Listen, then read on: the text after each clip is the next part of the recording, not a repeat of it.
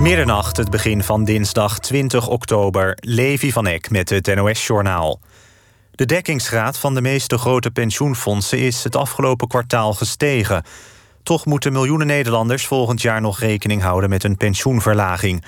Dat zeggen de pensioenfondsen bij de bekendmaking van de nieuwe cijfers. De pensioenfondsen blijven last houden van de aanhoudende lage rente. Een deel van de pensioenfondsen zit nu nog onder de benodigde dekkingsgraad van 90 procent. Als dat zo blijft, zouden die fondsen de pensioenen moeten verlagen. Politie en BOA's gaan strenger handhaven op de naleving van de coronaregels.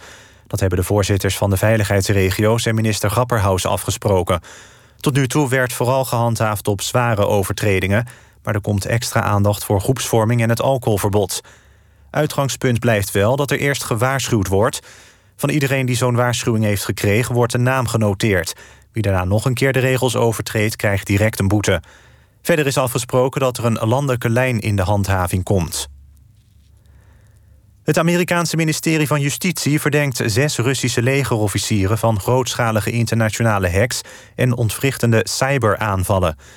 Ze zouden onder meer de Franse verkiezingen van 2017, de Olympische Winterspelen in 2018 en Amerikaanse ziekenhuizen en bedrijven hebben aangevallen of hebben geprobeerd om die te beïnvloeden. De mensen die worden aangeklaagd zijn lid van de Russische militaire inlichtingendienst GRU. Ierland gaat de komende zes weken in lockdown vanwege het toegenomen aantal coronabesmettingen. Alle niet noodzakelijke winkels en de horeca gaan dicht. Er mogen maximaal 10 mensen bij een begrafenis zijn en iedereen moet binnen een straal van 5 kilometer van zijn huis blijven. Het weer vannacht opklaringen, ook wat hoge bewolking en het koelt af tot een graad of 7. De komende dag eerst nog wat zon, verder bewolkt met vooral in de middag ook af en toe regen bij een graad of 14. Dit was het NOS Journaal. NPO Radio 1. VPRO. Nooit meer slapen.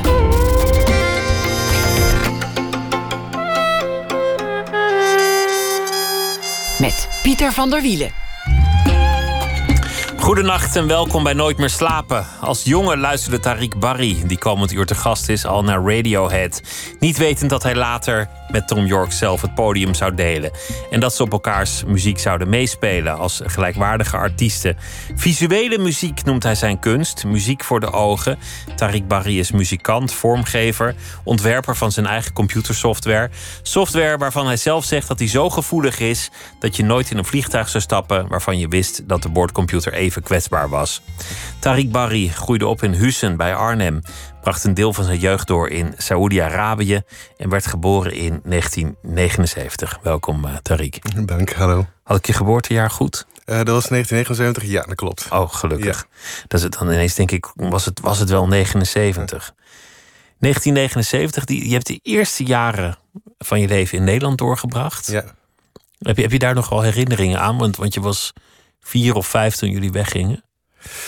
Um, ik kan me heel weinig herinneren. Ik denk, uh, ja, het is soms een beetje de vraag of je dingen, of dingen nou echt herinneringen zijn, of dat het. Uh, uh, misschien bijna heel symbolische halve droombeelden zijn, waar op een gegeven moment een waarheid aan had toegeschreven, zeg maar.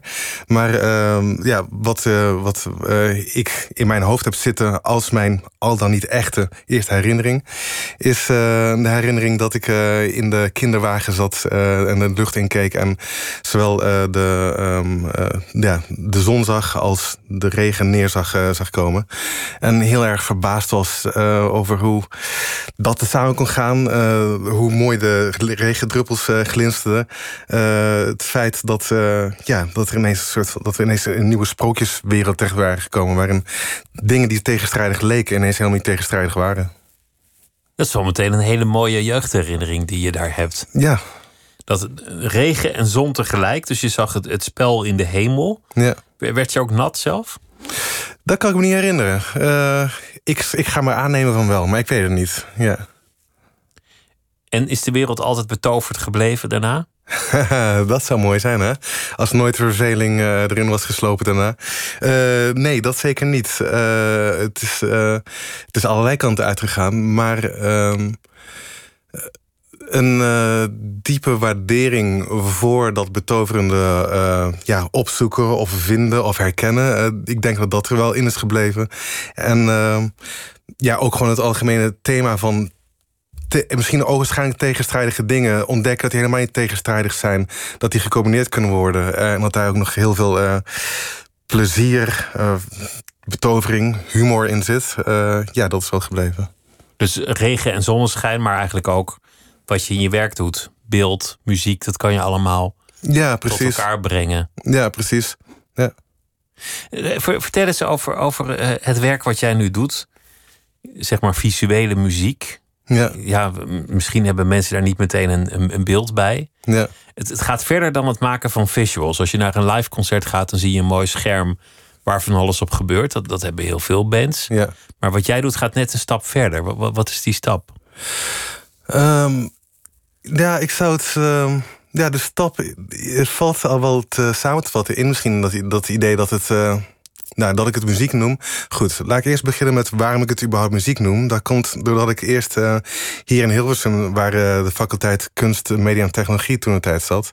Ik heb hier in Hilversum um, audiodesign, uh, muziektechnologie gestudeerd. dat was met het idee dat ik heel graag um, live muziek wilde kunnen maken. Ik wist al dat ik met computer muziek kon maken. Dat deed ik ook wel met plezier. En ik kon ook aan knopjes draaien. Uh, maar ik wilde uh, niet alleen maar voor filterveranderingen zorgen... of dat een klein effectje ergens een klein beetje meer of dit of dat deed. Ik wou echt veel meer um, scheppen uh, live. Dus niet een voorgeprogrammeerd ding, maar nou goed, ik wist niet precies hoe ik dat moest doen. Dus ik ben die studie gaan doen, heb daar uh, geleerd hoe ik programmeren kan gebruiken om op interessante manieren met de computer te interacteren en die dan weer uh, geluiden te laten maken, aka muziek. En vanuit die hele manier van, van live met de computer interacteren en dus real-time, zoals het heet, dingen maken, heb ik ook daar uh, op een gegeven moment real-time beeld bij gemaakt. Uh, beeld bij heb ik er beeld bij laten komen. Dus zo heb ik uh, als één groter geheel audio-visuele dingen, beeld en geluid, samen live um, steeds lopen maken.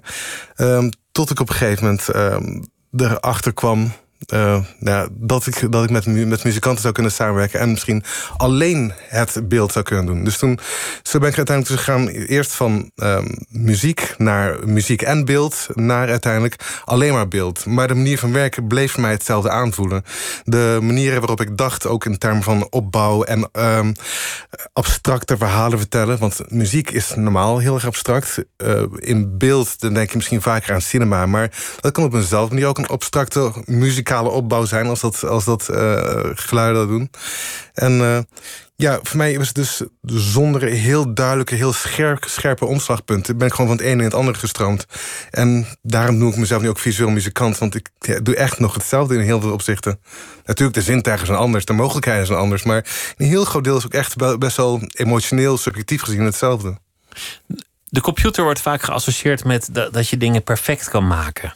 Dat, dat je eigenlijk iets, iets zo strak mogelijk kan krijgen.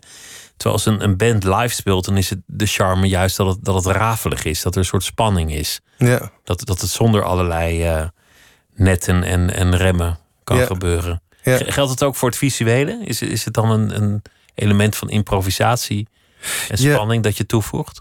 Ja, precies. Uh, dat komt ook voort uit het, uit het feit dat ik. Uh dat begon als een muzikaal audiovisueel instrument dat ik maakte.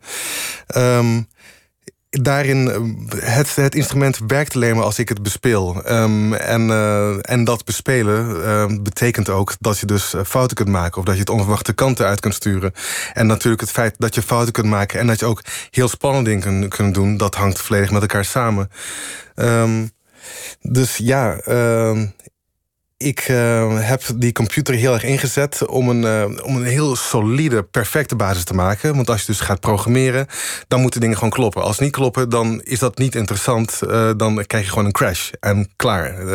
dan moet je computer, opnieuw opstarten of zoiets dergelijks. Als je daarentegen in muzikale of kunstzinnige zin dingen fout doet, ja, dan kan dat misschien juist een, een, een, deur zijn naar iets geniaals. Wat je zelf helemaal niet aan zien komen, waar je op een gegeven moment wel op mee kunt surfen, zeg maar. Dat op die mee kunt gaan. Um, dus waar ik voor zorgde was, en waar ik nog steeds voor zorg, is dat ik in, pro, in mijn programmatuur alles heel strak heb. Dat ik uh, om ook die solide basis te geven... waarop ik dan weer allerlei bizarre artistieke dingen kan doen... die misschien uh, soms uh, half goed gaan, soms, soms helemaal goed gaan... En soms gewoon wild geïmproviseerd... ineens tot een nieuwe vorm van goedheid kunnen leiden, zeg maar. Is het trouwens zo eens gebeurd dat je computer crashte... terwijl je voor zo'n volle zaal stond? Dat, dat lijkt me best wel een nachtmerrie. Ja, ik heb het... Uh... Dat je naar zo'n Windows-logo staat te kijken of zo'n appelbolletje. Ja. En denkt, oh, dit gaat heel lang duren. Ik denk in totaal um, dat ik zo'n vier keer heb gehad dat het uh, fout ging. Maar één keer was de van Slayer mijn schuld. Toen had ik een, uh, mijn programma zo in elkaar gezet dat hij een zogenaamde memory leak had. Uh, dat betekende dat er steeds meer informatie werd weggeschreven naar het werkgeheugen van de computer. Tot hij op een gegeven moment helemaal vol zat en het ding liep gewoon vast. Toen moest ik wel opnieuw herstarten. En. Um, ook om de, zeg je dat, om de schaamte te voorkomen dat uh, ik allemaal opstartschermen uh, aan het publiek zou tonen, ben ik ook nog gauw even naar achteren toe gerend naar degene die de projectie beheerde, om te vragen of die alsjeblieft dat ding eventjes uit kon zetten. Nou, dat was wel even zweten. Uh, dat was volgens mij ergens in 2013 of zoiets dergelijks. Maar wat ik ergens toen ook wel leerde was dan... Nou, dat was heel erg naar eventjes. Maar het was daarna ook al toch binnen vijf minuten voorbij. En we gingen door. dus, het komt uiteindelijk goed. Ja, precies. Als de computer niet zelf uh, in, in, in, vlammen opgaat... Uh, dan, en je kunt het ding gewoon opnieuw opstarten... is de kans best groot dat je uiteindelijk hooguit... in het allerergste geval een, gewoon een, een hiccup hebt... en niet iets veel ergers en wat ik, ik heb ook nog een paar keer uh, met uh, optredens met Tom York en, en Nigel Godrich meegemaakt. dat ineens het scherm uitviel. Dat was dan door een elektronische storing of zoiets dergelijks. Um, en ook daarbij was het uiteindelijk helemaal geen ramp. Nou het was wel een ramp misschien voor de crewleden... die dan ineens uh, achter mijn rug ineens keihard uh, begonnen te schelden... en, uh, en heen en weer renden om allerlei dingen in elkaar te zetten. Maar um, voor, voor mezelf was het ja, gewoon eventjes een pauze ja, is niet fijn, maar ik kon er ook tegelijkertijd gewoon weinig aan doen. Ik moest gewoon wachten. En het publiek, uh, dat snapt ook gewoon wat er aan de hand is. En die is uiteindelijk gewoon ook hartstikke blij. Die is ook met je mee aan het leven. En die is hartstikke blij, want iedereen wil dat het goed gaat.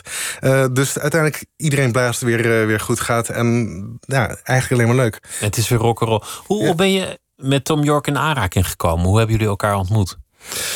Um, dat was gekomen... Goed, uh, dan ga ik even terug naar uh, toen ik hem vooral als um, aan mijn programma, wat ik dan Versum noem. Uh, toen ik met Versum audiovisuele dingen maakte, toen had ik ook daarin geprogrammeerd dat ik mensen kon opnemen dat ik dus met een dat ik opnames kan maken van, vanuit een webcam en vanuit een microfoon. En dat ik dan audiovisuele loops kon laten draaien. Dus je kunt dan iemand zien, uh, een stukje zien zingen in een loopvorm... en dan kan hij nog een stukje inzingen... en dan krijg je een tweede loop die daarnaast die je ziet en die je hoort. Een soort van audiovisuele looper.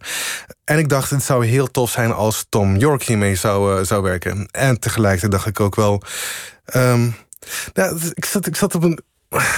Hoe is het? Goed, het is niet per se dat ik... Um, nou direct echt dacht van... oh, ik ben zo'n zo'n bink dat ik dat voor elkaar kan krijgen. Maar wel dacht ik wel weer van... ja, maar dit is wel heel erg tof en ik heb het nergens gezien... en volgens mij zou Tom het zelf echt wel heel erg leuk kunnen vinden. Dus dat is bijna meer dat het, dat het tool wat ik voor me zag ontstaan... dat die me er bijna om vroeg of ik wel alsjeblieft wilde proberen. Maar dan, dan heb je het over een van de, de, de beroemdste popsterren van onze ja. tijd. Ja. Oké, okay, jouw idee snap ik, want het heeft ook zo gewerkt uiteindelijk. Ja, precies. Het, het ja. klopte, maar, maar hoe, hoe gaat het dan verder? Bel, bel je dat niemand op of stuur je een mailtje? Ja, wat je dan doet, um, uh, wat ik dan deed als... Uh, nou, eerst sowieso vertel ik het af en toe aan, aan een paar vrienden. Van, uh, ja, raar hè, dat zou tof zijn als hij ermee zou werken. Op een gegeven moment was er eentje die gewoon het logische zei. Die zei van, ja, probeer het dan voor elkaar te krijgen. Vraag dan gewoon aan mensen om je heen... of die misschien iemand kennen, die iemand kent, die bla bla bla. Um, dus dat heb ik gedaan. Ik, en ik heb toen een technicus uh, met wie ik uh, al een paar keer had samengewerkt uh, bij Monolake concerten, de andere artiest met wie ik had samengewerkt. Die technicus, die vroeg ik het, die kende toevallig de stage designer en ook visual man van Radiohead, Andy Watson. Vervolgens ben ik dus met Andy Watson in e-mailcontact gekomen en die had me vervolgens weer uitgenodigd om bij een optreden van Radiohead in Berlijn, dat was in 2012, 13, um, die heeft me uitgenodigd om daar langs te komen. Dus um, ik was daar, ik kwam ook bij de afterparty terecht. Uh, ik uh, zeg even hoi tegen die man. Die man blijkt helemaal niks van mijn werk te hebben gezien... terwijl ik hem al links had, had opgestuurd. Maar ja, die heeft het ook druk. En die, uh, die, ja, die dacht gewoon van, ja, prima, ik stuur... ik, ik nodig deze persoon wel uit. Maar ehm, toen had ik al mijn spullen ook bij me. Mijn, mijn laptop en mijn, en, en midi-controllers, et cetera.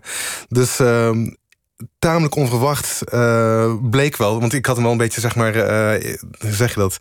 Uh, hij schrok er volgens mij een beetje van dat ik niet zo voorbereid naar hem toe was gekomen. Dus toen had ik minder... Het is een afterparty, dan kom je niet met je laptop binnen normaal gesproken. Nee, precies. Het was ook heel veel gezeik met de security, et cetera. Maar ik ben uiteindelijk daar wel binnengekomen. En dus toen heeft hij ehm, gezegd: Oké, goed, we kunnen er wel naar kijken.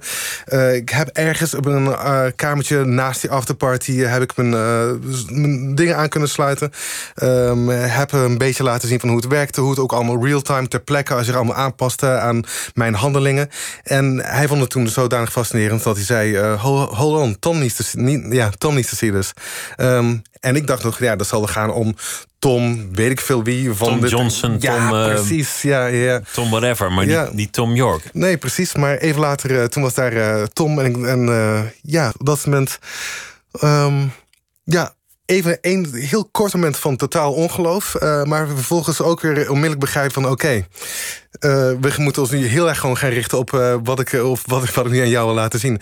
Dus het was eventjes handen schudden. En ja, dat hij had gehoord dat ik wat te laten zien had jou hoor. En toen heb ik dus gewoon van alles uitgelegd. Hij was super geïnteresseerd in allerlei processen die er gaande waren in de computer, et cetera. zowel artistiek als technisch nog best wel ja, geëngageerd. Um, en uh, toen liep hij weer later weg. En ik wist niet of hij nou alleen maar beleefd vriendelijk was geweest... of dat hij het echt tof vond. Maar even later uh, kreeg ik van zijn uh, label een vraag... of ik misschien um, een clip zou willen maken... voor een Atoms for Peace single. en, ja, Atoms for Peace is zijn, zijn solo-project ja, of zijn, ja. zijn side-project. Ja dat is veel verder gegaan, want je hebt die clip gemaakt. Jullie zijn gaan toeren. Jullie hebben meerdere keren samen getoerd. Ja. Hij is uiteindelijk ook gaan zingen op een van jouw tracks. Ja, ja. Dat, dat, dat is nog weer een stap. En, en op het podium staan jullie echt als gelijkwaardige artiesten. Ja. Het is niet zo van, van Tom York speelt en, en jij staat ergens achter. Maar jullie staan echt met z'n drie op het podium ja. Uh, muziek en beeld te maken. Ja. Dat, dat vind ik wel bijzonder dat je, dat je toch als minder bekende ster meteen op gelijke hoogte komt te staan. Ja, ja zeker. Um, kijk, het is um, in de algemene publieke uh, oog is het onmogelijk om op een soort van gelijk niveau als Tom te staan. Want Tom is. Uh, een soort de, god of zoiets. Precies, hij is een soort van mythische unicorn god, inderdaad. En uh, daar staan dan, uh, staat dan Nigel Godrich naast, die al iets meer menselijk is. Maar die heeft ook al een enorme, ja, hoe zeg je dat, geschiedenis achter de rug. En best wel een legendarische status opgebouwd. En ik, ja, ik dus een stuk minder. Al geloof ik dat ik alleen al door het feit dat ik met hun samenwerk. ook aan de ogen van sommige mensen misschien een soort van mythische aura omheen gekregen. Want zo werkt die roem. Uh, zelfs al... Uh, mensen weten inmiddels die, die geïnteresseerd zijn in dat genre wie jij bent. Ja, ja inderdaad, ja. Um, maar ja, inderdaad, dat is, dat is inderdaad heel erg bijzonder. En het was voor mij ook wel heel belangrijk omdat... Um, om uh, wat in ieder geval proberen zo hard mogelijk voor, voor elkaar te krijgen. Uh, want, um, dat als het ware uit te onderhandelen. Ja, precies. Uh, wat ik heel erg belangrijk vond was... Kijk, het is natuurlijk heel erg leuk voor, voor mij en mijn ego. Maar ergens probeer ik ook al veel verder te kijken dan alleen maar dat. Het gaat me er ook heel erg om dat... Um, um, kijk, bijvoorbeeld... ja, dus, dus, er zijn heel veel artiesten waarbij automatisch wordt gedacht dat zij het geniale meesterbrein zijn. En um, dat dus ook al het andere wat om hun heen ontstaat, dat dat uit hun eigen geniale uh, brein voortkomt. En heel veel andere kunstenaars worden daarmee in feite onder de voet gelopen. En mensen krijgen ook daarmee een heel erg onrealistisch beeld van wat het betekent misschien om een kunstenaar te zijn.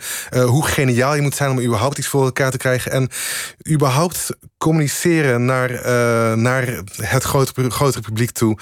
Um, wat ook uh, het mooie kan zijn van, van samenwerken. En ook van elkaar uh, erkennen. En uh, ook de kracht die daar weer inschuilt. In plaats van de, de, alsmaar die mythos van het eenzame genie hoog te houden. dat is mij ook heel erg belangrijk. En natuurlijk ook specifiek in mijn geval de visuele kunstenaars. Die zijn vaak helemaal, die worden helemaal genegeerd. Die, die maken iets voor op de achtergrond. En iedereen kijkt naar de ster. En het feit dat het ook echt een kunstvorm kan zijn, dat vind ik ook heel erg belangrijk. En ja, dat, is ook nog een punt. Wat ik daar dus ook belangrijk aan vind, is dat ik uh, vaak vind dat visuele kunstenaars best slecht werk afleveren.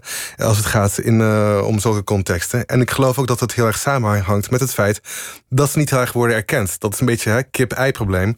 Ik denk dat um, als ze om meer erkenning durven te vragen, dat ze misschien ook meer hun eigen karakter in hun werk durven te, te, te, stoppen. En dat het gewoon meer een symbiotische samenwerking kan, uh, kan zijn.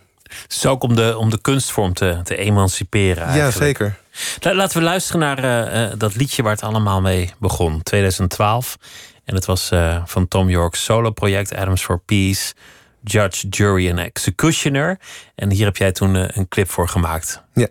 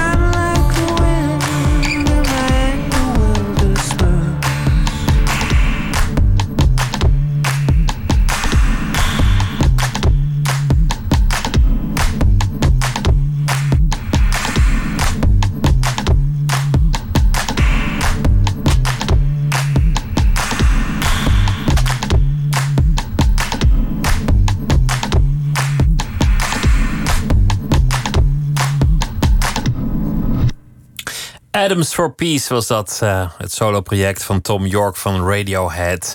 En het uh, liedje waar Tariq Barry, die uh, hier te gast is, een videoclip voor maakte. En dat werd het begin van een langdurige samenwerking met Tom York. En hij heeft heel veel andere dingen gedaan.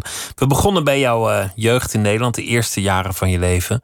En je eerste jeugdherinnering, die meteen al een soort poëtische betekenis toegekend kreeg. Namelijk dat je leerde dat je dingen altijd kunt laten samengaan. Dat je dingen kunt combineren. Mhm. je, je vertrok naar Saoedi-Arabië. Daar heb je nou ja, best wel lang gewoond. Of in ieder geval op een belangrijke leeftijd Mhm. heb je daar gewoond.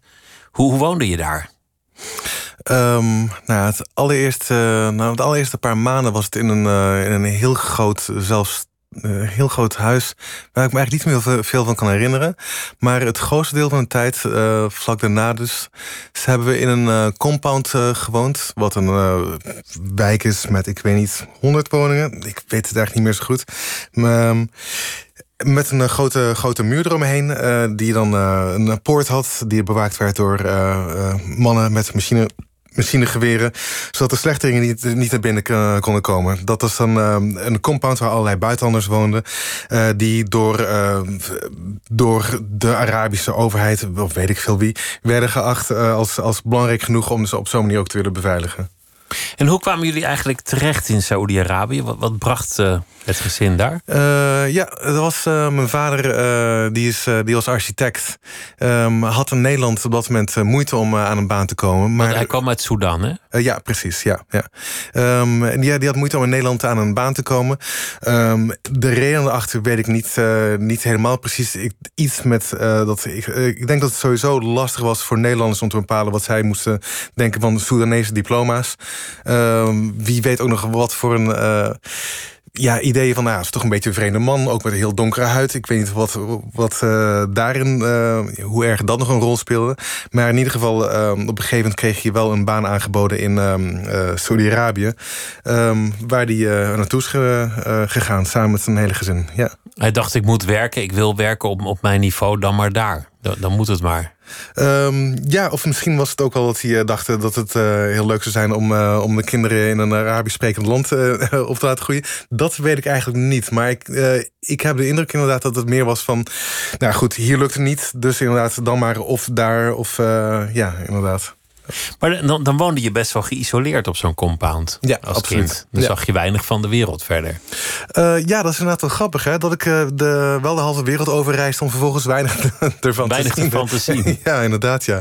Maar uh, wat ik wel zeker zag, was dat de wereld heel erg anders kan zijn dan wat ik van thuis uit gewend was. Ik denk dat dat wel een soort van, um, als we het hebben over regen en zonneschijn met elkaar gecombineerd zien, dat, dat, ook dit is dan weer zeg maar, zo'n soort van thema van echt een uh, enorme omslag uh, die onbegrijpelijk voor mij was als kind. Ik, ik, kan me ook nog wel herinneren dat ik dacht van hè. Een paar dagen van hè, wanneer gaan we naar huis toe? Of hè, blijft het echt zo? Kan dat? Dat is gewoon totaal onvoorstelbaar. Dat dit ineens een nieuwe bestaan zou zijn. Terwijl het ook zo'n soort van de, de toekomst in dit, in dit onkenbare, of dit uh, nog niet uh, gekende bestaan. Het voelt ook zo, zo leeg aan, bijna als, als de woestijn ook die daar uh, ons omringde. En dan, en dan die enorme hitte. Los, ja. los van de muren en de bewakers ook al een reden om weinig van de wereld te zien. Ja, precies. Ja, ja en, en het feit dat de meeste van de uh, andere kinderen in het compound uh, best wel agressief waren en vooral ruzie wilden. Nou, niet iedereen, maar uh, dat was ook een beetje een ding. Dus, dus als je al buiten kwam in de hitte, dan kreeg je ook nog een, een, een hengst. ja, dat kwam af en toe voor. Maar al kwam het vaker meer neer op psychologische intimidatie dan, dan fysieke. Dan fysieke. Ja, inderdaad. Ja. Maar godzijdank had ik dus wel een, een broertje van twee jaar jonger. Dus ja, daar ben ik blij mee. Ik denk dat dat toch wel enigszins uh, uh, een totale teloorgang van mijn sociale vaardigheden heeft verhinderd. Ja. En ging je naar school in, in die tijd? Um, ik, ging, ik heb wel voor twee, drie maanden volgens mij heb ik even op een Arabische school gezeten. Uh, wat niet echt lekker werkte. Dat Arabisch uh, kon ik niet echt goed leren. Um, ik, ja, ik kwam. Ik, er waren gewoon heel veel verschillen daar ook tussen mezelf en die andere kinderen. Naast het Arabisch spreken, denk ik dat het. Ja nou goed, één klein voorbeeld was dat we bijvoorbeeld op een gegeven moment een koe moesten inkleuren. Um, uh, en uh, al die andere kinderen die kleurden hem bruin. En uh, ik gaf hem allemaal zwarte stippen op een vel papier... wat ik anders voor de rest helemaal blank liet. En dat vonden die kinderen daar allemaal heel erg raar. Want daar zijn dan kun je helemaal niet wit met zwarte stippen. Jij tekende gewoon een, een, een Friese koe of een, of een, of een Nederlandse koe. Ja. Dat kenden ze daar helemaal niet. Nee, volgens mij gaf, gaf ik me ook wel heel erg veel stippen. Dat wel. Maar, maar alsnog, ze kennen überhaupt het principe niet van die koe. Um, dus het grootste deel van de tijd, um, uh, ja, toen dat ook helemaal niet, niet, echt bleek te werken, ben ik gewoon uh, samen met een broertje uh, door mijn moeder thuis geschoold. ja. Je moeder gaf alle vakken? Ja, mijn moeder gaf alle vakken. Uh, was moeder. Uh, was ook nog eens een keer 90% van onze vriendengroep. Dus uh, ja, die had behoorlijk veel, veel te doen. Ja. Wat, wat, heb je, wat heb je geleerd van je moeder dat je anders niet zou hebben geleerd? Ha, wat heb ik van mijn moeder geleerd dat ik anders niet zou hebben geleerd? Um, misschien eigenlijk wel een bepaalde vrijheid ja, ik denk eigenlijk wel een bepaalde. Ik denk dat ik misschien heel veel heb geleerd in uh, het feit dat ik uh, zoveel dingen kon die ik mezelf aanleren weer. Bijvoorbeeld, uh, wat een belangrijk ding was, was dat. Ehm, mijn moeder op een gegeven moment had gezien dat ik eh, heel erg veel interesse had uh, in de computer die we hadden. We hadden thuis een uh, homecomputer, een MSX. Um, ik had opgemerkt dat als ik op bepaalde toetsen drukte, dat daar automatisch ineens een heel commando naar, naar voren kwam. Als ik dan enter druk, dat er dan iets gebeurt. Er één bliep ontstaat of een, weet veel, gewoon kleine dingetjes op de computer dan. Ik wist helemaal natuurlijk nog niks van wat programmeren was. Maar mijn moeder die zag wel dat ik interesse had in wat ik die computer kon laten doen. En uh, zij besloot toen om dan uh, de volgende keer dat we weer zomervakantie hadden in Nederland, om dan een uh, MSX magazine te kopen, of een aantal daarvan, waar dan allemaal kleine stukjes code in stonden, zodat ik, zodat ik daar vervolgens weer dingen uit kon overtypen en kon zien hoe het allemaal samenhing. en, je, je bedoelt eigenlijk programmeren? Ja, precies. Ja. Dus, dus dan, dan, dan was je, hoe oud was je? zes, zeven, ja. ja. Dat is best wel jong om al computertjes te, te, te programmeren. Ja, inderdaad. En als ik toen een tijd had geweten uh, hoe uh, moeilijk programmeren uh, geacht wordt te zijn, had ik het waarschijnlijk nooit gedaan. Daar was ik hartstikke bang voor geweest. Maar het, was gewoon, het waren gewoon echt gewoon een paar kleine commandotjes. En die dan zet je achter elkaar. Het, het is programmeren is super logisch. En in dat opzicht is het dus ook best wel simpel. Het is alleen dat op een gegeven moment... Ja, het is net als Lego. Daar kun je ook fantastische structuren mee maken. Maar uiteindelijk Lego-blokjes op elkaar zetten... is echt niet zo lastig. Hetzelfde is dus ook het geval met, met programmeren. En daarom kun je het ook als kind best wel leren. Maar het zou normaal nooit deel uitmaken van het curriculum van zesjarigen... als je gewoon een, een schoolopleiding had gevolgd Precies. op dat punt. Precies. In die zin heb je eigenlijk wel voordeel gehad ja, ja, van absoluut. de situatie waarin je verzeld was absoluut. geraakt. Ja, dat is natuurlijk het mooie van dat ook zo thuisgeschoold te worden. Dat je, uh, je besteedt precies evenveel tijd als je het nodig hebt aan alle vakken. Uh, maar ook niet meer. Je bent er niet, niet aan het wachten op andere kinderen. Dus uh, nou, ik weet niet precies wat de hoeveelheid, wat de verhouding was tussen schooldagen en vrije dagen. Maar we hadden veel meer vrije dagen dan je dat in Nederland zou hebben. Dus ik had ook veel meer dagen om dan gewoon gekoppeld met, met natuurlijk de, het feit dat je niet echt buiten kon spelen. Om dan thuis achter de computer die hele wereld te gaan verkennen. Dat was ook een beetje de wereld die te verkennen was. Want weet ja. op je fietsje erop uit zat er niet echt in, of een klimbrek was er niet. Ja. Of, of een schommel. Maar je, je zei net voor de grap van nou, ik had gelukkig een broertje. Anders waren mijn sociale vaardigheden helemaal onderontwikkeld gebleven. Ja. In zekere zin is het natuurlijk wel een beetje zo dat je sociale vaardigheden niet echt veel impulsen krijgen ja, zo. Ja, ja, inderdaad, ja. En uh, toen ik terugkwam uh, was het ook wel uh, erg lastig. Um, ik had... Goed, ik, ik verheug me aanvankelijk heel erg op het terugkomen. Want ik verheug me op ook weer buiten kunnen spelen in de middag en dat soort dingen. En überhaupt de groene landschappen. En weer eens een keer een, een witte koe met zwarte stippen zien. Dat vond ik wel tof. Um, daarbij was het dan wel dat ik uh, helemaal niet echt snapte hoe ik me moest verhouden ten opzichte van de medeleerlingen. Um, ik weet niet hoe ik hun benaderde. Uh, want goed, ik kan mezelf niet van buitenaf uh, bestuderen. Maar al gauw viel ik wel onderin de hiërarchische ladder. Ook voor een groot deel omdat ik niet eens snapte dat er zoiets was als een hiërarchische ladder. Dus ik kwam er wel onderaan te staan. En voor een heel lange tijd nog ja, ik dat gezien als puur ik zelf die een vreemde vogel was. Want ja, ik was ook een. Ik denk dat ik van nature al een beetje een vreemde vogel ben, überhaupt al. Gewoon hoe ik ben geboren, zeg maar. Uh, um, um, ook omdat ik uit een familie van vreemde vogels uh, kom. Dus ik denk dat ik daar wel enige aanleg toe heb, überhaupt genetisch al. Maar dan daarbij ook nog eens een keer. Um, kwam ik dus uit Saudi-Arabië. Um, ik sprak op een andere manier dan de meeste andere kinderen. Ik had heel veel Engels gesproken. Ik sprak dus ook heel erg Engels-Nederlands... en gebruikte soms ook heel erg moeilijke termen... die volgens mij ook nog eens een keer heel erg... soort van pretentieus misschien nog zelfs overkwamen op de, op de medeleerlingen. Um, Ja, en Kortom, je, je viel eigenlijk op alle mogelijke denkbare manieren buiten, buiten de ja, club. Ja, ja, ja, precies. Oh ja, en, eh, en ik zat dan ook nog eens een keer eh, eh, naast, naast een, een, een, een, klasgenoot... die ook nog zelf een wat donkerdere huiskleur had. En ik had die koppeling ook aanvankelijk helemaal nog niet gemaakt... maar het is eigenlijk pas, pas later in mijn leven geweest... dat ik af en toe ben gaan denken van... nou ja, iedereen heeft het over racisme... en eigenlijk heb ik er zelf niks van gemerkt. Maar af en toe ga ik ook weer terugdenken van... oh ja, misschien was dat, dat, dat, dat toen ook daar wel een klein beetje erin. Dat, dat de Eh, twee donkere jongens in de klas ja. automatisch bij elkaar kwamen. Ja, ja, ja, precies, inderdaad. Ja. En het is, dat, is- natuurlijk heel lastig om te zeggen. Want wat ik al zei, er zijn zoveel verschillende param- parameters geweest... die allemaal samen bij elkaar kwamen. Dus ik kan ook niet zeggen van... ja, het was allemaal omdat ik donker was. Ah, Echt niet. Ik had echt een super populaire jongen kunnen zijn. Maar het zijn wel dingen die allemaal samengevoegd... eh, ja, wel voor... eh, Je, je moest heel snel sociale vaardigheden aanleren. ja.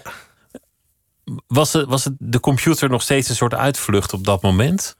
Was- dat een omgeving die je wel begreep of, of waar je wel veilig voelde? Ja, de grap was, ik denk dat ik eh, toen de tijd veel meer eh, eh, de luie kant van de computer ben gaan verkennen. Namelijk gewoon de computerspelletjes.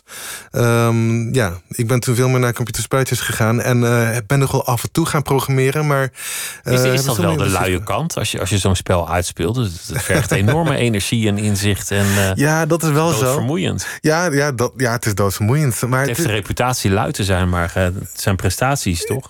En nou, dat vind ik eigenlijk een heel goed punt dat je daar maakt. Eh, dat, is, dat is zeker waar. Ehm, ik denk dat misschien het, eh, de luiheid er vooral in komt wanneer je eigenlijk zelf geen voordeel erin ziet om het te doen, maar toch niet kunt ophouden. En dat dan een er misschien dan vooral zit in je onvermogen om, eh, om met de verslaving te stoppen. En dan misschien is dan zelfs het woord luiheid een veel te luie term. En dat eh, slaat op alle nuttige dingen die je zou kunnen doen... terwijl je nu een soort fictieve wereld aan het uitvechten bent. Eh, ja, inderdaad, ja. ja. Zelfs al heeft het hè, wel zijn plaats in zijn tijd om ook in die fictieve werelden te zijn, ja. Daar kan je vast ook grote vaardigheden op doen. Ja, dat wordt ook zeker wel gedaan, ja. Jouw vader kwam uit, uit Sudan. En die, die, die kwam naar Nederland. En in zekere zin liep die migratie vast... omdat hij hier niet werk kon doen op het niveau waarop hij was opgeleid. Ja, Dat bracht jullie uiteindelijk naar Saoedi-Arabië. ja, ja. Wa- Wat was dat voor migratie naar Nederland? Wat had hij voor ogen? Wat weet jij daarvan? Wat had hij voor... Dat, dat vind ik eigenlijk heel lastig om te zeggen. Want ehm, mijn vader die was altijd... eh, Die heeft, ehm, die heeft... Is altijd heel erg teruggetrokken geweest. Ook eh, wel heel veel geworsteld met eh, depressie. Dus ik heb nooit echt heel goed de wereld kunnen bekijken door zijn ogen. Ehm, maar wel weet ik dat, dat, het, dat het heel lastig was om terug te komen. En dan ook weer hier niet echt aan de bak te kunnen komen. Ehm, tot hij op een gegeven moment, ook dankzij het feit dat... ehm, ja, mijn moeder die werkt in de vluchtelingenwerk als vrijwilliger. En, eh, en ze... en eh, op een gegeven moment, ja, dan blijkt dus wel dat veel mensen die eh, naar Nederland toe komen ook behoefte hebben om bepaalde documenten vertaald te krijgen of om eh, zelf hun woorden gehoord te krijgen door Nederlanders. Ehm, en mijn vader, die, dat, ja, mijn moeder, die had, via mijn moeder, mijn moeder is het dus gelopen dat mijn vader dan vervolgens vertaler kon worden. En dus ook heel veel ge- telefoongesprekken deed en ook schriftelijk document eh, vertaalde voor die mensen die hier kwamen. Ja. Dus hij heeft uiteindelijk wel min of meer zijn draai gevonden. Maar Ja. hij is al best wel lang niet meer, niet meer in leven. Ja. Je vader, al, al, eh, sinds 2007 is hij er niet meer. Ja. Is het uiteindelijk ook zijn depressie geweest eh, wat hem fataal is geworden? Eh, ja, ja, zeker. Hij is. ehm, ja, hij is.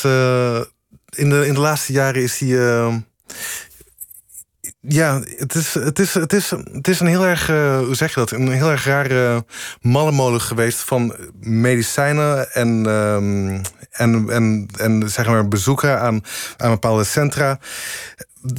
Ehm, gecombineerd met een verwarring die volgens mij ook veel te maken had met het feit dat ehm, hij een heel sterke breuk had gemaakt met zijn eigen achtergrond. Hij kwam dus uit Sudan, had daar een heel sterke ehm, afscheid van genomen. Ook omdat hij heel erg had besloten dat hij niet graag wilde dat ehm, mijn broer en ik met alle complexen van, eh, van religie groot zouden worden gebracht. Ehm, ik geloof dat zijn, zijn eigen neiging om, uh, om daar helemaal afscheid van te nemen, dat dat hem ook wel heel erg uh, ja, duur, is komen te staan. Daarmee ik dus niet zeggen van, oh, dat zou ik zo beter hebben gedaan, of dit moet je zo en zo, zo, en zo aanpakken. Want dat, dat is heel moeilijk om, om in te leven hoe dat, hoe dat is. Maar ik geloof dat dat wel um, heel erg ertoe bijdroeg, gecombineerd met het feit dat hij dus had gehoopt in Europa een beter thuis te krijgen. Zeg maar, dat, daar, zeg maar, dat was aanvankelijk het beloofde land. Want hij heeft actief gekozen voor Europa, voor, voor het geloofssysteem dat, dat hij hier dacht aan Precies. te treffen. Meer atheïsme, meer, meer filosofie, meer rationaliteit. Uh, inderdaad. Um, en ik geloof dat ook het feit dat het hier in Europa ook niet helemaal lekker liep. Uh, en ja, dat dat ook wel ertoe bijdroeg. Gecombineerd met überhaupt een neiging die in mijn familie wel heerst om uh, tot depressieve aanleg. Um, dat dat wel voor zorgde dat, het, uh, dat, het, dat hij helemaal vastliep. En uiteindelijk inderdaad ook uh, in het leven gewoon niet wist hoe hij verder moest. En dus ook uit het leven is gestapt. Ja. Hij was ontworteld, zou je kunnen zeggen. Ja, ja. En dat is hem fataal geworden. Maar als, als ik jou zo hoor, dan, dan, dan hebben jullie eigenlijk heel veel dingen niet, niet echt kunnen bespreken. Of zijn jullie op heel veel punten nooit echt tot elkaar gekomen? Ja, wat, wat heel erg jammer is. Want ik denk dat het ook juist um, was in een, in de tijd dat ik zelf meer bewust werd van ook zeg maar de waarde van, van ook mijn ouders en ook van hun leren kennen. Uh, dat het precies in die tijd was dat hij ook uh, steeds meer moeite kreeg met überhaupt communiceren met de buitenwereld, waar ook wij toe behoorden bij als gezin. Um, dat we elkaar een soort van net mis zijn gelopen. Uh, ja, ik had graag uh, wel meer tijd gehad om meer te weten te komen van hoe dat voor hem is geweest. Ja. Het is tragisch dat, dat, dat je een harde breuk wil maken met waar je vandaan komt. Ja. Een nieuw leven wil leiden, een beloofd land, een soort droom daarop projecteert. En dat dat gewoon niet lukt. Dat het niet lukt om, om binnen jezelf dat verleden af te schudden. Ja, inderdaad. Dat, dat hij eigenlijk niet die, die harde breuk heeft kunnen maken. Ja, ik geloof ook dat zo'n harde breuk in feite totaal onmogelijk is. Het, nou, het kan niet, bestaat niet. Precies, en dan moet, met totaal mogelijk bedoel ik niet dat het totaal mogelijk is om je te ontwikkelen. Dat wel, maar uh, ik geloof dat uh, inderdaad het, uh, het verleden dat blijft onderdeel van je. zelfs al heb je er enorme problemen mee. Dat dat wel een, ja, dat, dat dat wel blijft. Maar qua de tragiek ja, zeker. Uh, dat was ook heel erg tragisch. Het was ook een hele grote, rare gewaarwording voor mezelf om te beseffen van. Um, vaak is een heel positieve gedachte van... Uh, oké, je gaat door allerlei, uh, hoe zeg je dat... Um, uitdagingen in het leven heen... en je kunt heel veel nare dingen meemaken... maar uiteindelijk leer je ervan en je wordt er beter van... en je overwint, et cetera. Op een gegeven moment was dit verhaal ineens afgelopen. Er was helemaal geen, geen, geen hoop meer dat het nog uh, beter zou worden... of zoiets. Ineens was het daarmee klaar. Dat is iets heel erg hards en ook wel iets wat best wel... een heel diep indruk heeft, op me heeft gemaakt... en ook wel een beetje mijn, een soort van een realisme uh, in mijn blik op het leven wel heeft versterkt. Um, en ik zou dus ook niet willen, het willen samenvatten eh, door dan te zeggen van... oh ja, kijk, maar het is wel hier en daar goed voor geweest. Ik vind het disrespectvol. Je kunt, je kunt best wel soms herkennen... sommige dingen zijn gewoon heel erg kloten. En dat kan soms ook gewoon zo zijn. Dat mag gerespecteerd worden. Dat kan gewoon de conclusie zijn. Precies, maar dat wil niet zeggen dat er ook nog andere aspecten toch ook bij komen kijken. En ergens zie ik wel um, mijzelf, het bestaan van mijzelf en mijn broer... en ook het traject wat ook ik voor mezelf aan het volgen ben... wel als een voortzetting van wat mijn vader, uh, van waar mijn vader naar op zoek was. Mijn vader die was ook schilder. Ik, uh, ik heb het ook in zekere zin wel die kunst voortgezet. Mijn vader die wou heel graag uh, van, vanuit zijn cultuur zijn kinderen op laten groeien in een andere cultuur waarin ze meer vrijheid konden vinden. En ja, ik ben hier en ik heb wel van die vruchten mogen, zeg dat, proeven. Ik leef in die vrucht. Plukken, ja. mogen plukken, maar goed, ja. vrije, vrijheid is, is waar, waar een heel groot deel van jouw werk over gaat. Ja. Het, het vieren van vrijheid, het beleven daarvan. Ja, ja. En het artistieke, dat, dat komt dus eigenlijk ook een beetje van je vader. Ja, ja. Ja. En je moeder, was je moeder creatief, behalve dat ze de, de thuisonderwijzer was? Um, niet in een heel expliciete zin, maar um, ze, houdt wel, ze houdt wel heel erg van, uh, van muziek. En, oh, trouwens, niet in heel expliciete zin. Ze kan fantastisch schrijven. ze kan ook heel goed schrijven. Dus uh, iets waar ik trouwens zelf ook wel echt uh, plezier in heb om dat te doen. Ik, om met woorden te spelen en om te schrijven. Ik heb het nooit professioneel gedaan, maar ja, dus ja, in zekere zin, ja, niet zo zegt, van beide kanten zijn al duidelijk bepaalde creatieve invloeden meegekomen.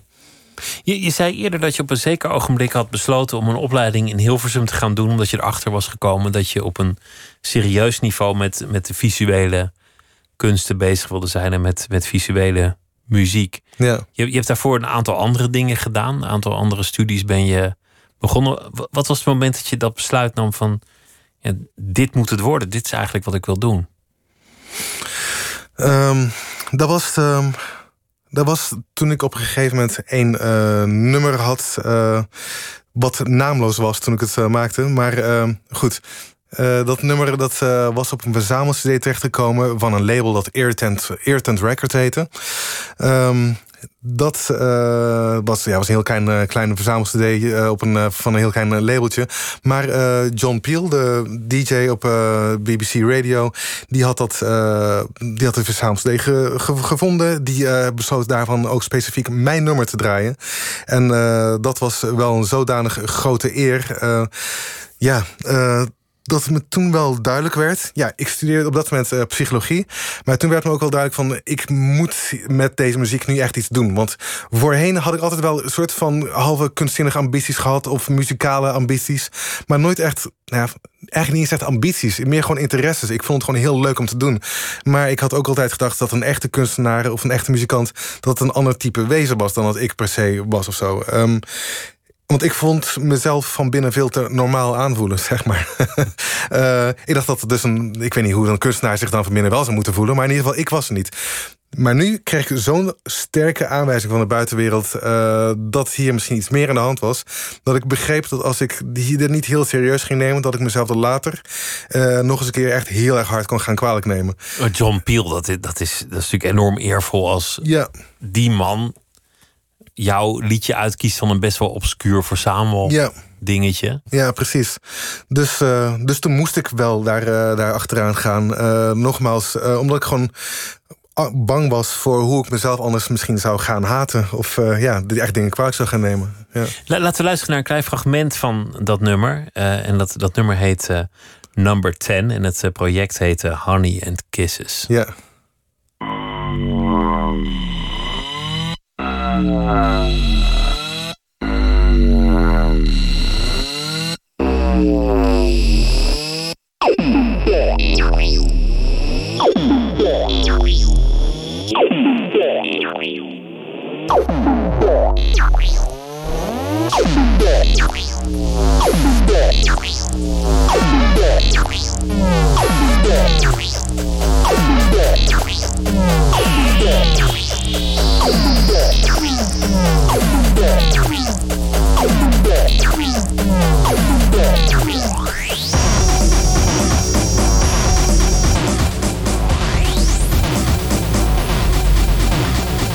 zo verder. Dat is misschien niet helemaal het moment om dit liedje helemaal af te gaan, uh, luisteren. Maar, maar een keerpunt in je leven eigenlijk. Ja. Kan, kan ik wel stellen.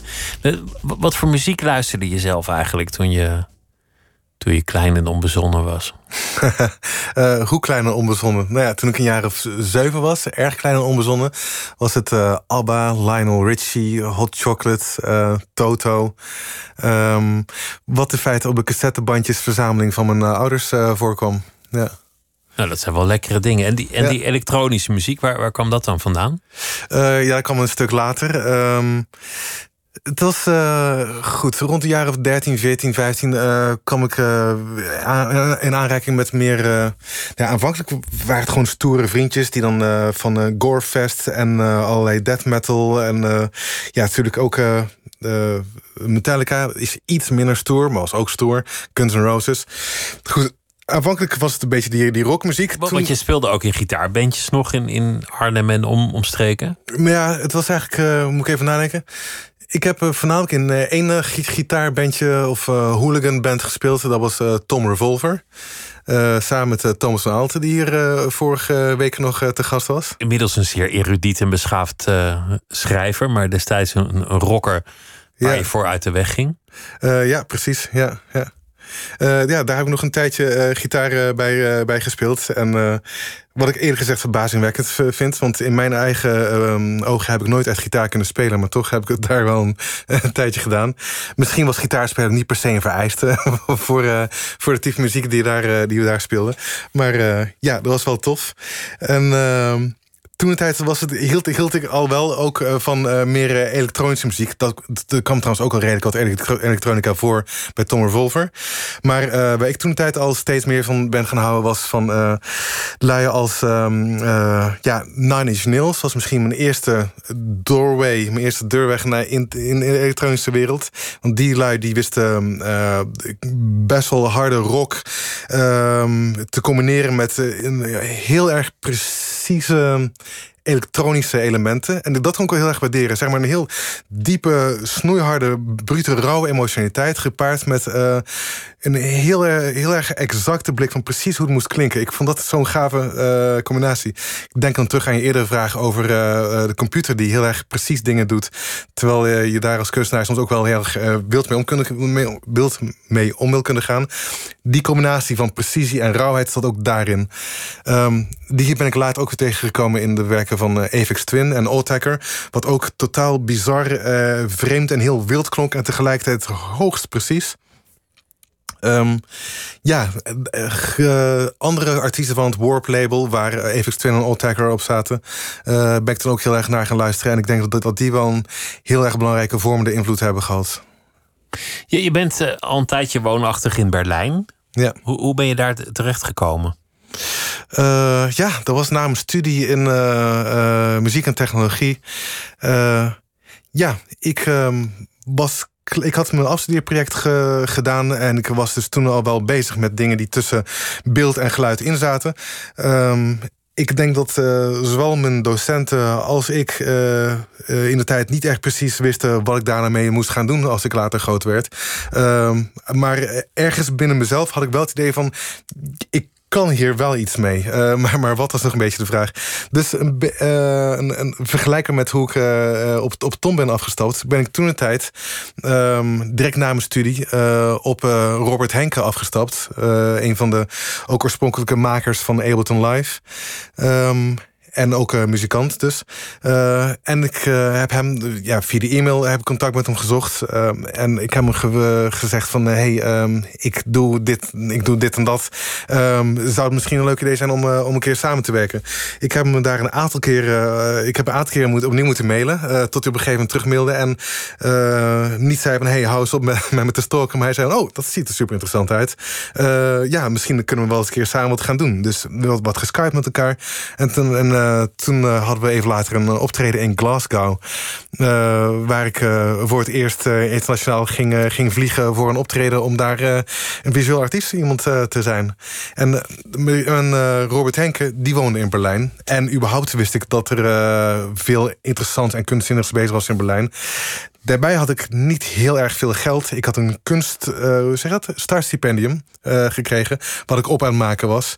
Um, en ik had me wel bedacht dat ik dat in Berlijn een stuk langzamer op zou maken dan als ik bijvoorbeeld naar Amsterdam toe ging verhuizen. En in Utrecht blijven, waar ik toen de tijd woonde, dat ik woonde daar in een heel klein kamertje, daar moest ik sowieso weg. Ja. Dus zo, kom, zo, ben je in Berlijn terechtgekomen. Ja. En je, je, bent nu even over uh, voor een week. Mm -hmm. Maar in principe ga je nu, ondanks corona, weer daar naartoe. Ja, ja inderdaad. In, in, in de komende tijd. Ja. Het, het, het is best wel interessant dat je inmiddels ja, gewoon op voornaambasis bent met, met heel veel grootheden. Ik, las dat je met Michael Stipe van R.E.M. dan ineens een biertje staat te drinken. Ja. Of dat, of dat uh, nou ja, noem maar wie iemand is. Dat, dat die eigenlijk jou inmiddels goed weten te vinden. Ja, ja dat is best bizar. Ja. Dat, dat is, uh, ben, je, ben je ooit starstruck? Ik vraag me af of ik dat bij je vind passen om, om heel erg geïmponeerd te zijn door dat soort dingen. Um, Nou, het past heel erg bij mijn uh, filosofie om dat niet te zijn. Maar uh, ik, kan, ik kan filosoferen wat ik wil. Nou, in de praktijk is het natuurlijk... ja, ik kan ik weet niet, het zou, het zou misschien bijna onmenselijk zijn om dat niet toch een klein beetje te hebben.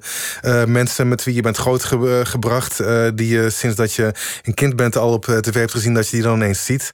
En ook mensen waar je dat is, kijk, ook misschien los van het idee uh, dat iemand een bekendheid is of niet. Überhaupt al het feit dat voor jouw gevoel jij iemand anders heel goed kent die jou voor het eerst ziet. Uh, dat is al een, heel rare ongelijkheid die daar plaatsvindt. Bijvoorbeeld, ik ben zo ook dan Woody Harrelson op een gegeven moment tegengekomen en daar dan ook een biertje mee gedronken. ik heb het idee dat ik hem hartstikke goed ken, terwijl hij mij net voor het eerst is aan leren kennen is. Dat is, dat is echt heel erg vreemd. Um, en uh, voor mij ook alweer uh, heel erg interessant om te kijken... oké, in hoeverre klopt mijn beeld van jou met wie je echt bent... Uh, daarbij komt ook wel kijken dat ik het ook heel erg toe vind om, om te kunnen zeggen: Oh, ik heb jou leren kennen. dat ik het ook af kan strepen op, op een bucketlist of zoiets dergelijks. Al die dingen, die dingen die komen door elkaar heen. En uiteraard probeer ik ook bewust te zijn van mijn starstruckheid. Van het idee dat ik ergens ook een beetje uh, een, een, een starfucker neiging in me heb. Die volgens mij ook iedereen in, enige mate wel in zich heeft. Maar ik probeer ook daar bewust van te zijn. Met als doel om dat, die dingen niet naar de voren te laten kijken, te, te, te treden. Maar om gewoon ook echt gewoon met iemand normaal als mens bezig te zijn. Want uh, dat is het wel gewoon uiteindelijk het leukste. En het meest bevredigende. En ik geloof wel dat. Um, door zo vroeg in mijn, uh, laten we zeggen, carrière al met Tom York samen te werken, dat uh, ik daar al wel een grote les heb gehad in hoe op te gaan met Starstruck zijn en hoe daar op een gegeven moment ook overheen te komen. Als ik op een gegeven moment dus leerde om een klein beetje met Tom om te gaan als, als een normaal medemens, nou dan is er ook niet heel veel meer over om nog super Starstruck van te blijven. Want hij was mij al zeg maar de grootste ster die er, die er was. Waar, waar wil je naartoe de komende jaren? Wat, wat, hoe, hoe zie je dat eigenlijk voor je? Want wil, wil je meer samenwerken in de muziek of wil je je eigen projecten meer laten prevaleren? Hoe, hoe, ja. hoe bekijk je dat? Um, nou, met, met Tom en uh, Nigel samen blijven werken, dat wil ik heel graag doen. Uh, in allerlei vormen. Um, ja, goed, dat, dat blijft sowieso een, een, ding wat ik graag in de toekomst wil blijven doen. Uh, in de nabije toekomst lijkt het reëler dat het om kleinschaligere projecten zal gaan. dat ik die, die ik dan dus ook met andere mensen zal doen. Um, zo heb ik in het verleden samengewerkt met een niet eens zo heel bekende artiest, maar wel eentje met wie ik echt heel prettig samenwerk. Um, Paul Jebenassam is zijn naam. En uh, ik heb ook nog uh, mijn uh, audiovisuele projecten waarbij beeld en geluid samen uit mijn computer voortkomen. Dat is dus niet alleen maar dingen vanuit het verleden waar ik ooit mee was begonnen, maar dat is nog steeds een interesse en waar ik iets waar ik nog steeds in doorga. En in die ja, in die hoedanigheid, in die eh, audiovisuele eh, sfeer, werk ik veel samen met uh, Lea Fabrikant, wat een vriendin en medekunstenaar is. Die zingt, instrumenten bespeelt, componeert. en samen met mij in feite mijn, mijn geprogrammeerde systeem bestuurt en ook mede helpt ontwikkelen. en de die optredens die zijn heel erg geïmproviseerd. En ik vind ze de laatste tijd uh, zelfs eerlijk gezegd ook nog best wel echt heel erg goed. Dus daar wil ik ook heel graag ver in ontwikkelen. Kijken hoe diep je kunt gaan uh, in totaal live vanuit niks beginnen. En dan een hele driedimensionale virtuele audiovisuele wereld in elkaar zetten samen. Ik merkte bij het voorbereiden al dat ik dacht, het voelt er bijna als een beetje verleden. Als, als iets dat ja. nostalgie is geworden om in een, in een bedompte zaal te staan. Waar iedereen zweterig tegen elkaar aanstaat, wachten tot er iets groots gaat gebeuren. Ja. Ik kan me eigenlijk bijna niet meer voorstellen hoe het was. En ik, ik heb er wel weer zin in, in concerten.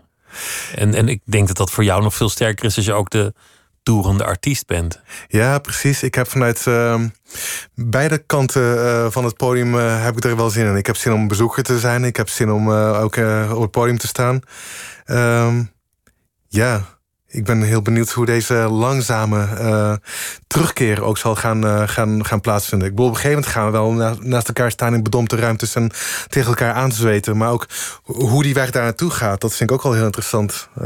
Ja. En hoe lang het gaat duren, ja, dat is ongewis. We zien wel. Ja. Het was me genoeg om je hier eh, te ontvangen. En ik wens je een uh, goede reis terug naar Berlijn. En ik wens je heel veel uh, plezier met alle projecten in de toekomst. Ja, dank. Dankjewel, Tariq Bari.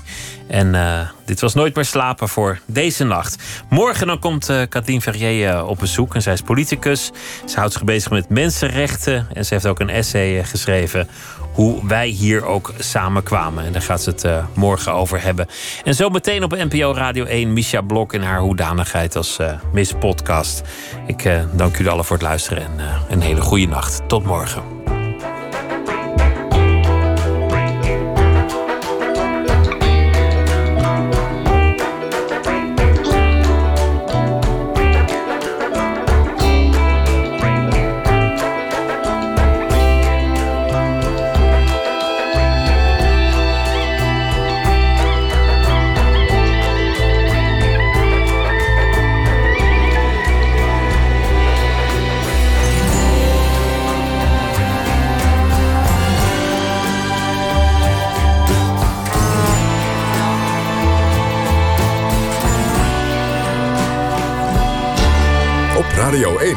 Het nieuws van alle kanten.